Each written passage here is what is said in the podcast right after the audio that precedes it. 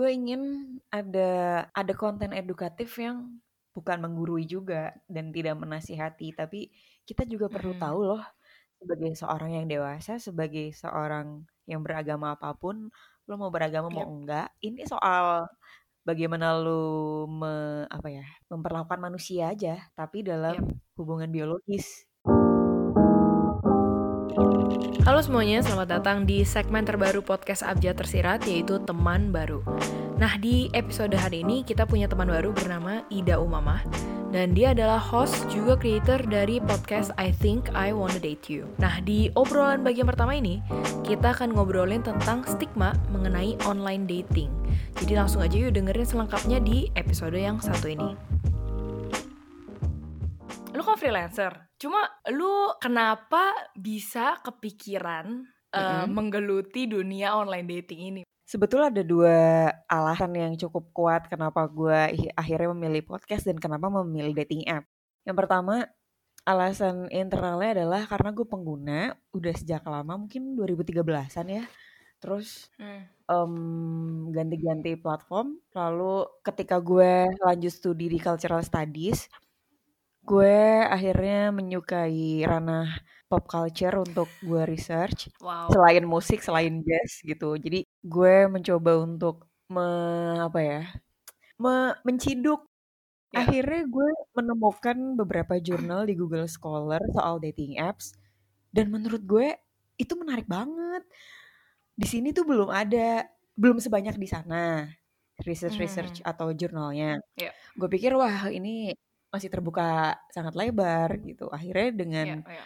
research soal dating apps dengan beberapa temen gue sempat ke conference juga presentasi oh ya udah pas ada per podcastan ini gue juga pengen bikin karya kan sebetulnya nah teman-teman gue kalau di Instagram atau Twitter itu selalu suka sama cerita-cerita cinta atau cerita kencan gue jadi mereka tuh bilang kayak dek dibukuin dong nulis dong soal dating atau soal kencan gue pikir ya elah gue siapa siapa juga yang mau beli buku gue ya selain Siapa juga gue yang mau tahu tips kencan Ida Iya. Umamah kan gitu? iya gue juga nggak certified gitu akhirnya Ya. gue pikir oh podcast kayaknya seru Oke, jadi lu Hmm. mulai dari Januari, terus Januari sampai April kira-kira gue menggodok konten dan segala macam mempersiapkan segalanya Mhm. baru Mei gue mulai recording pertama Ah, gitu oke. Itu lu sendiri atau undang-undang ya? Gue lupa deh. Eh, kalau untuk recordingnya gue ngundang couple yang berhasil nikah dari Tinder waktu itu Wow, oke oke. Jadi kalau yang episode pertama ini yang gue wawancara couple yang nikah dari Tinder. Saat itu adalah kondisinya gue harus ke kantor salah satu orang itu jam 11 malam. Mhm. Recording di sana dan gue lagi voting nama podcast gue dan belum ketemu hasilnya. Oh, Ketika oke. gue mau start rekaman, mau mulai, Mhm. baru gue kayak oke namanya ini gitu kayak gue sambil ngitung ini berapa yang ngevote ada berapa ada tiga pilihan Terus abis itu lu pengalaman waktu lagi podcast apa ya bikin podcast si I Think I Wanna Date You ini gimana? Kayak lu tuh pertama kan lu bilang emang kalau di Indonesia sendiri dari kumpulan Mm-mm. podcast atau event yang lu datengin itu Mm-mm. kan emang eh, mayoritasnya cowok ya surprisingly gue nggak tahu kenapa juga nah cuma em, lu sendiri maksudnya di dunia podcast in general sama dengan niche yang seperti ini em, suka duka lu tuh apa sih? Kayak lu ngerasa gak sih? Misalnya apa lu ngerasa susah cari orang buat collab? Gue tuh nggak terlalu paham soal audio editing. Gue ahlinya di merumuskan dan merencanakan. Nah jadi semua otak ini tuh konsep ini ada di ada di gue. Nah gue mengajak salah satu teman gue yang dia musisi dia gitaris juga eh, yang dulu suka ngiringin gue nyanyi. Nah karena kami Hmm. berdua udah cukup satu frekuensi jadi pas gue ngajak dia dia langsung oke gue yang akan teknis eh ini deh teknis audionya gue pegang gitu. Oke ya udah kelar. Nah duka berikutnya adalah kalau misalnya gue ngajakin narasumber untuk rekaman di podcast gue, biasanya gue harus ngasih pilihan. Misalnya, lu mau pakai nama asli enggak? Mau pakai foto profil asli atau enggak? Terus Hmm. fotonya mau gue tampilkan di cover podcast atau enggak? Nah, ada juga beberapa couple yang menolak gue undang ke podcast. Jadi ada temen gue waktu itu beberapa temen gue yang nikah dari dating apps dan gue nggak tahu Ya. dating app dating appsnya apa. Sampai akhirnya gue DM dia terus gue nawarin, lu mau nggak kalau masuk podcast gue terus gue ngobrol soal kisah atau perjalanan cinta kalian gitu. Wah, Ya. eh, terima kasih tawarannya tapi gue nggak mau. Gue maunya ini disimpan buat diri sendiri aja. Oke, gitu kayak. Oh, Oke, oke oke, oke. oke.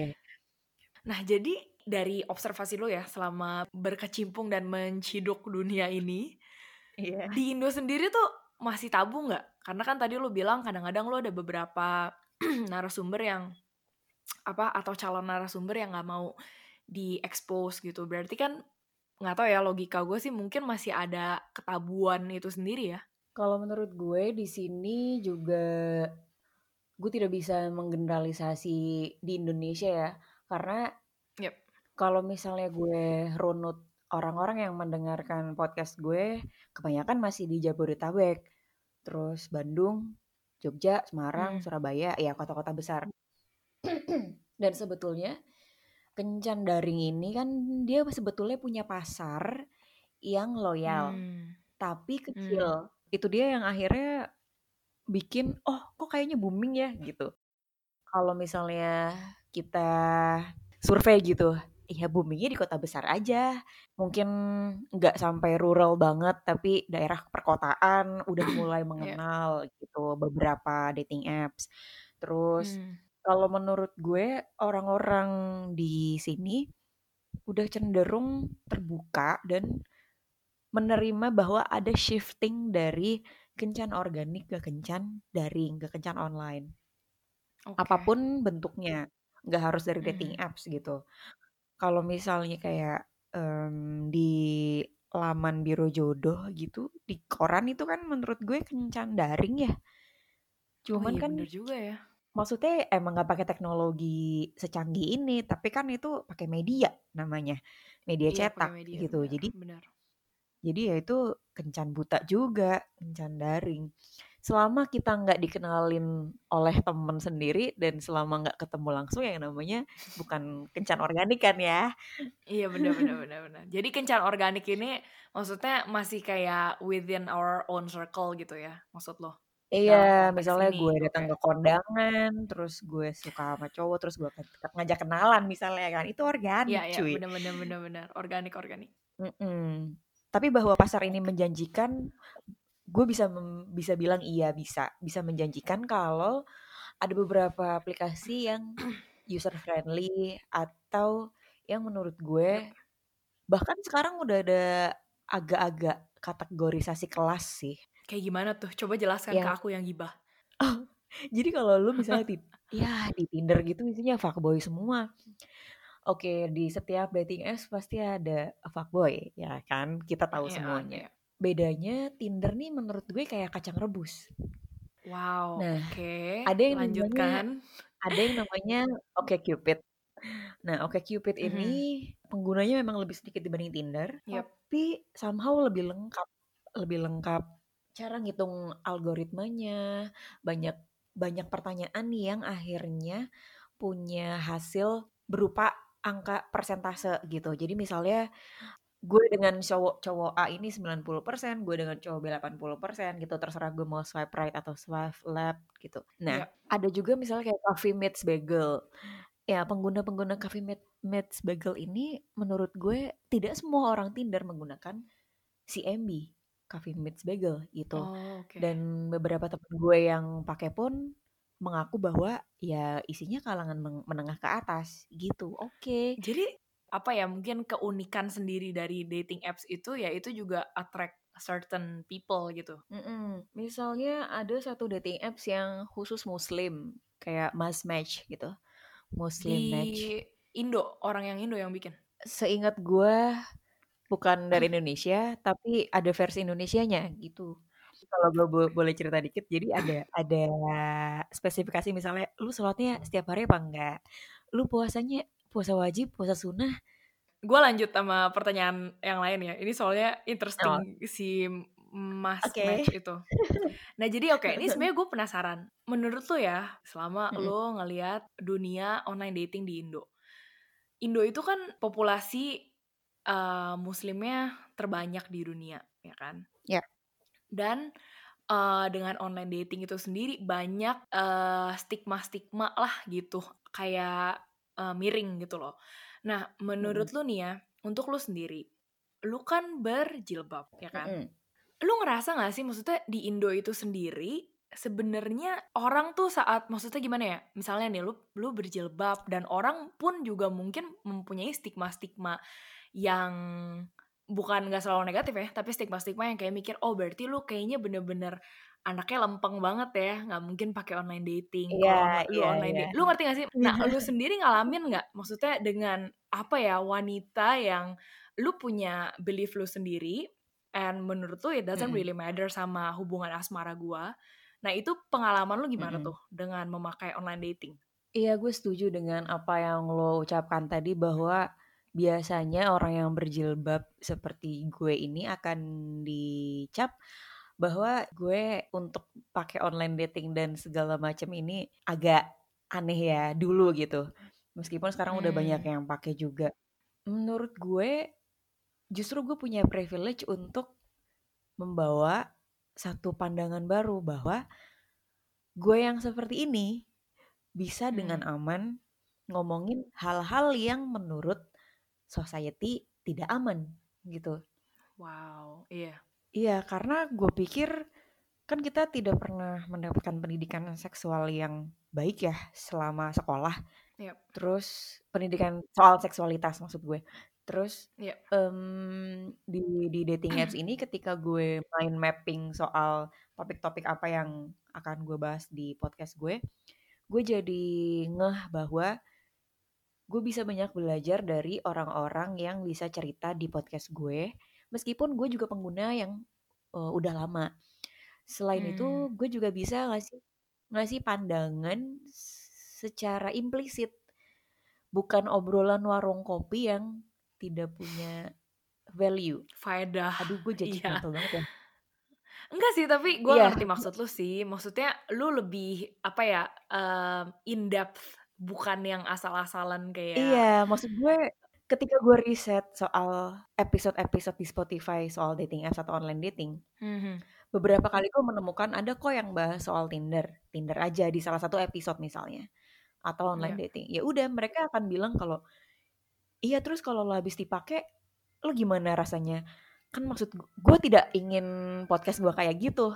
Hmm, Ada es krim lewat, deh maaf. maksud. Ini budaya Indonesia kita kental sekali. Terus? Untung ndak yang lewat tuh bukan susu murni nasional, lu tau gak sih? Nah, iya tahu ada lagunya. Mau nyanyi, Oke, lanjut tapi nggak ya. boleh. Ini di podcast, iya. Iya. Lanjut, lanjut.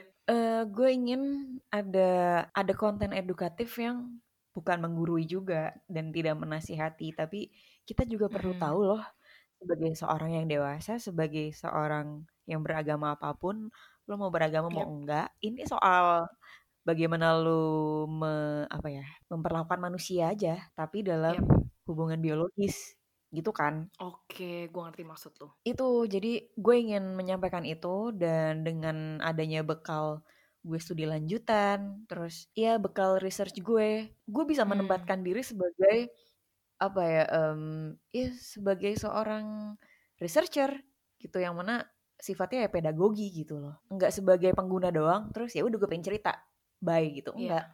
Emang sejak awal gue mau ada value yang mau gue sampaikan, memang harus pakai dengerin dulu kali ya satu episode 30 menit dan itu gue rasa akan membosankan bagi orang-orang yang nggak tertarik. Cuma ya di situ tantangannya, gitu.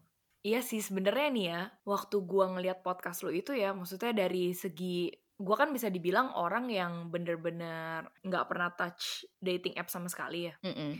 Dan saat gua ngeliat podcast lu, dan pas gua tahu ternyata hostnya ini berjilbab, it really changed my mind Mhm. loh. Jadi Oh ya? maksudnya iya beneran dah, gue nggak bohong karena kan gue emang di Indo itu kalau soal tentang media kayak misalnya podcast atau tulisan gue tuh nggak pernah sama sekali ada di komunitas itu sendiri di dalam Indonesia gitu loh. Maksudnya saat gue bikin podcast gue di Spanyol kan. Jadi kalau lu Mhm. kan orang masih bisa lihat nih physically.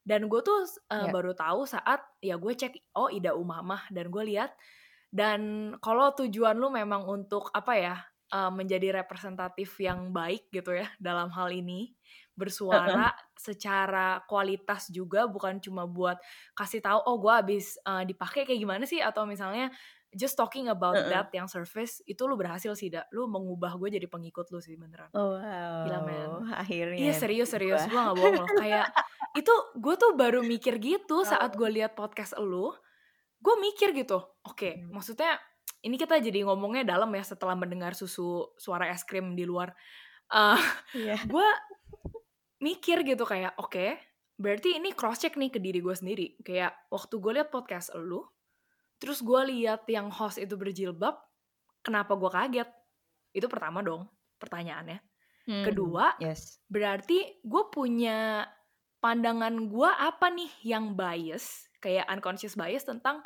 perempuan yang berjilbab karena gue kan uh, memang Kristen ya tapi gue tinggal di Indo ya gue ngelihat semua orang berjilbab doesn't really matter tapi gue tidak Yes. pernah mempunyai conversation di mana gue bertanya Mhm. lu itu berjilbab sebenarnya lu tuh punya pikiran apa aja sih jadi gue tuh cuma mikir Hmm. oh orang yang berjilbab itu adalah orang yang pertama dapet cowoknya rata-rata dari pesantren atau enggak pengajian kedua misalnya mereka nggak mungkin lah pakai dating apps dating apps itu kan bla bla bla bla bla you know Yes. so I think Mhm. Well hopefully yang dengerin podcast gue ini juga sih yang mungkin sempat Yeah. menggibahkan orang-orang yang lu punya certain pemikiran gitu tentang beberapa Mhm. orang dan beberapa belief dan beberapa online dating well semoga lu juga tertaubatkan sih hati lu lewat Ida Umamah ini gitu Oke, eh, pertanyaan berikutnya. Tadi kita udah apa ya sempat ngomongin sedikit lah tentang si eh, apa faktor agama itu dan pemakaian online dating. Mhm. Nah sekarang gue mau nanya nih, eh, lu punya gak sih stigma tentang Mhm. online dating gitu ya? Yang lu tuh kayak gemes banget, kayak you're just like, udah gue udah capek banget dengerin nih stigma dan pengen lu tebas stigma itu. Nah itu apa? Eh, stigma yang sangat umum di sekitar kita itu kalau kita pakai online dating, it's like lo desperate banget ya sampai harus online dating. Lo nggak punya temen Hmm. emang yang bisa lo prospek gitu ya misalnya. Oh my god, iya iya. Dan kalau eh, menyinggung apa ya di beberapa buku juga disebutin bahwa salah satu masalah terbesar orang-orang yang memakai online dating adalah akan menerima stigma buruk soal dirinya yang tidak laku, dirinya yang kurang menarik, dirinya yang eh, tertutup misalnya gitu. Nah, Hmm. itu yang ingin gue yang ingin gue suarakan sebetulnya sejak awal bahwa lah yang ikut online dating cakep-cakep, Bu. Jadi Ya. stigma itu ya maksudnya yang kayak orang mikir aduh lu desperate banget sih kayak as if you don't know anyone gitu loh yang di sekitar lu. Nah, Yes. itu yang sebenarnya Mm-mm. tidak betul. Iya, padahal teman-teman di sekitar gue tahu bahwa gue anaknya cukup aktif, kenal Yep. banyak orang, ikut ikut berbagai macam kegiatan gitu. Jadi Oke. ya Anda Anda Anda yang ngomongin kalau yang ikut online dating tertutup, ya salah semuanya. Tolong minggir gitu. Nah, itu tadi part pertama dari obrolan gue sama Ida. Dan di part kedua, kita akan ngobrolin tentang dilema seputar online dating mulai dari mencari jodoh sampai kerumitan para pemakai dating apps yang mempunyai terlalu banyak pilihan. So, stay tune ya untuk part kedua gue ngobrol bareng Ida.